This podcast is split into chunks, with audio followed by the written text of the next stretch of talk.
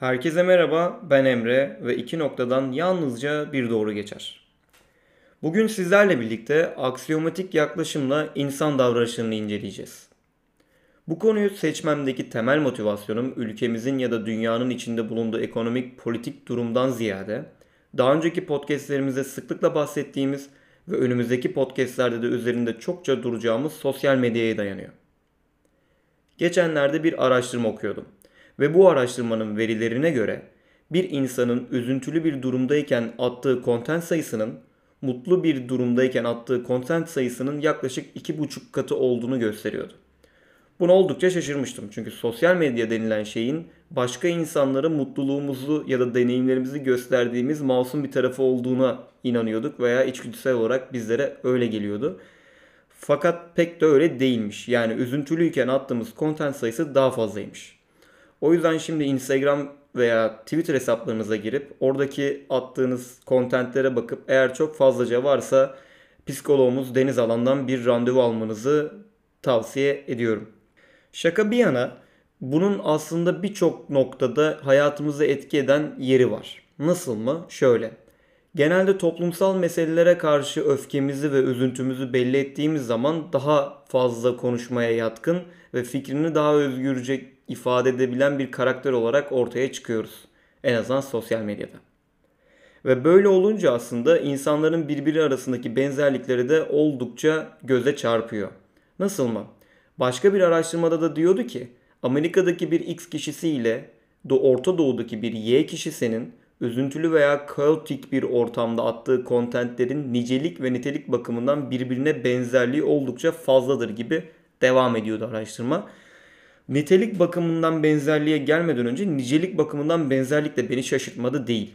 Yani aslında üzüntülü bir durumdayken attığımız bir story'nin arkasındaki renk ile hex color'la Amerika'daki bir adamın attığı, Orta Doğu'daki bir adamın attığı buradaki adam kelimesini gender discrimination olarak değil bir birey olarak söylüyorum kusura bakmayın. Attığı bu image'ların renk olarak birbirine benzerliği de yer alıyordu araştırmada. Bu da çok garip. Çünkü mesela 160 karakterlik bir diziyle dizi diyorum çünkü her bir karakterin bir araya girişi aslında kelimeler, cümleler ve öbekler şeklinde ayrılıyor. Üzüntümüzü veya öfkemizi belli etme şeklimiz çok da farklılaşmıyor. Ama bu şu anda yeni keşfettiğimiz veya yeni bir gündemde olan bir şey değil aslında. Öyle değilmiş en azından. 8-9 sene önce yapılan bir araştırmaya göre sosyal medyanın insanlar arasında dünya vatandaşı ekolü oluşturduğu yazıyordu. Dünya vatandaşı ekolü. Bu bana garip geldi. Çünkü dünya vatandaşı demek evet bir barış halinde ve barış ortamında birbirimizle etkileşimimizi optimum düzeyde tutacak bir şekilde hayatımızı sürdürebilme kavramı olarak bana lanse edilmişti. En azından ben öyle biliyordum. Fakat bunun altında çok daha derin kavramlar varmış. Nasıl? O da şöyle.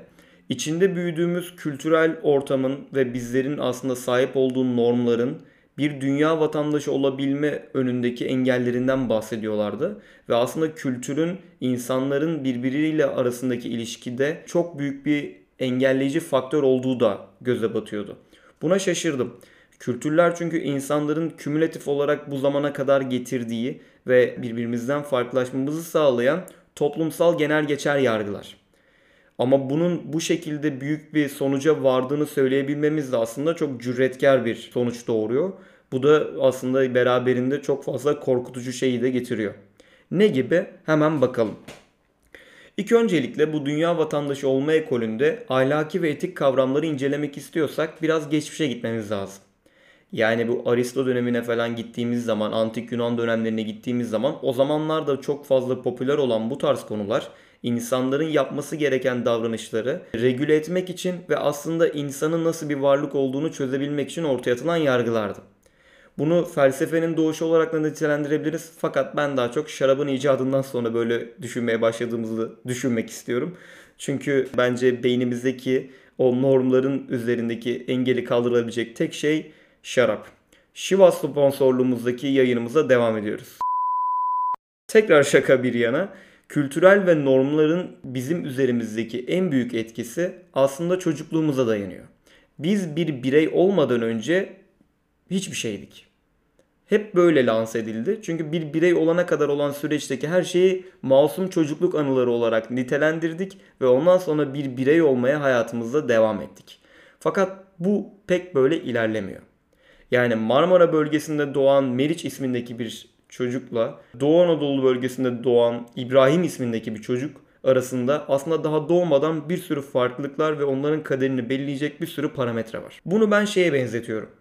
Biz doğmadan önce daha zigot, embriyonik dönemdeyken bizim üzerimize bir tişört giydiriyorlar. Beyaz bir tişört. Ve biz daha doğmadan itibaren bize verdikleri isimlerle veya ailemizin sosyoekonomik durumu gibi çok majör faktörlerle o tişört farklı renklere doğru evrilmeye başlıyor. Mesela sol omzunda yeşil bir renk, sağ altında mavi bir renk ve bu aslında bu renklerin nerede olması gerektiğini ve hangi renklerle o tişörtün boyanması gerektiğine biz karar vermiyoruz. Ve ben bu eyleme maruz kalmak diyorum. Maruz kalmak nasıl bir şey diye soracak olursanız aslında hep negatif tarafa çevrilebilecek bir şey ama bence bunun negatif ya da pozitif olmasından önce bireyin belki bilinç altının daha yetmemesi, bilincinin o kadar gelişmemesiyle birlikte ya da kendinin herhangi bir şeye maruz kaldığını fark etmemesiyle birlikte seçmediği bir şeye dinlemek, öğrenmek veya onu uygulamak zorunda bırakmak gibi böyle çaresiz bir anlamı var. O yüzden bu eylemi kullanırken de fazlaca korktum. Sebebi şu. Bir insanı bir şeye maruz bırakmak kadar yani onu seçeneksiz bırakmak kadar da kötü bir şey olmasa gerek. Her neyse bu beyaz tişört örneğimize geri döndüğümüz zaman o iki Meriç ve İbrahim karakterleri doğuyor. İlkokullara gidiyor, ortaokula gidiyor ve artık onlar bir birey olmuş durumda.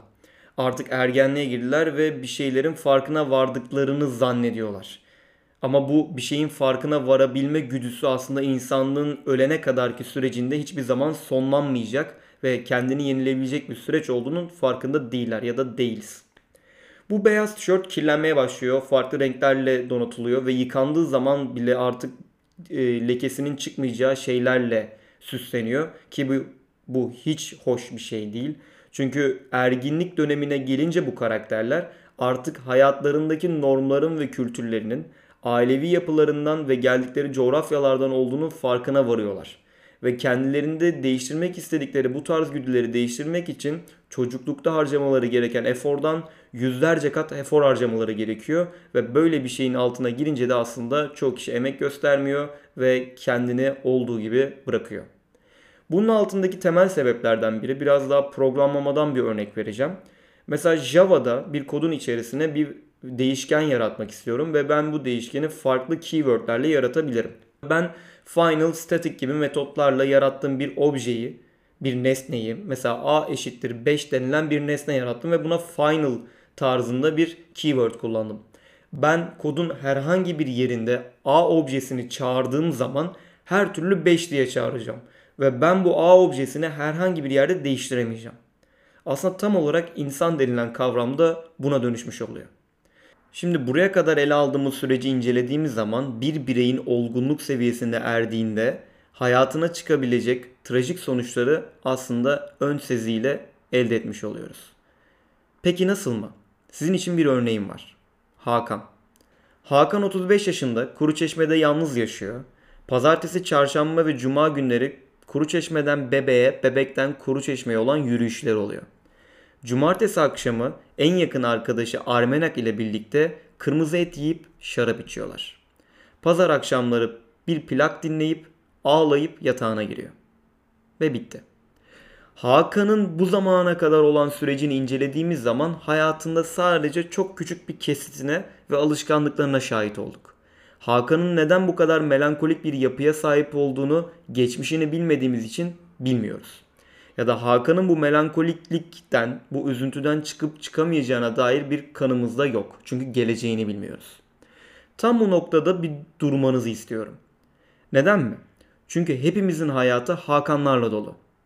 Hayatımıza giren kadınlar, hayatımıza giren erkekler, en yakın arkadaşlarımız, ailemiz, aslında hepimizin hayatında sadece belli bir anlarda ya da anların kümülatif birikimi olan kesitlerde yer alıyor. Onların geçmişini bilmiyoruz. Gelecekte nasıl biri olacağını hiç bilmiyoruz. Sadece kesitlerinden yola çıkarak ve insan olduğumuzdan dolayı ön yargımızı kullanarak onlara kendi kafamızda roller biçiyoruz. Ve aslında bu rollerin gelecekte ne gibi trajik sonuçlara sebep olabileceğini de hiç de düşünmüyoruz. Gelin son bir örnekle bunu açıklayayım ve bugünkü podcast'imize bir son verelim. Hepimiz 3 artı bir evde yaşıyoruz. Ailelerimiz biz daha doğmadan önce odaların nerede olacağını belirliyor. Mutfak sağda, oturma odası solda, banyo arkada olsun. Biz doğduktan sonra bizim için seçilmiş olan odalarda mutluca yaşamaya çalışıyoruz. Daha sonra ergenliğe girdiğimiz zaman odaları değiştiremeyeceğimizi, odalardaki değiştirebileceğimiz tek şeyin içerisinde bulunan nesneler olduğunu anlıyoruz. Ve ergenlik de çok tehlikeli bir dönem olduğundan dolayı yanlış zamanda yanlış yerde yanlış nesneleri odamıza alıyoruz. Daha sonra erginlik çağına gelince ne oluyor biliyor musunuz? Ne odayı değiştirebiliyorsunuz ne nesneleri. Yani aslında yanlış kararlarla seçtiğiniz nesnelerle sizin için seçilen bir evde hayatınızı geçirmek zorunda kalıyorsunuz. O zaman size bir soru sorayım. Dünya vatandaşı ekolü mü yoksa bireysel yalnızlık mı? Beni dinlediğiniz için teşekkür ederim.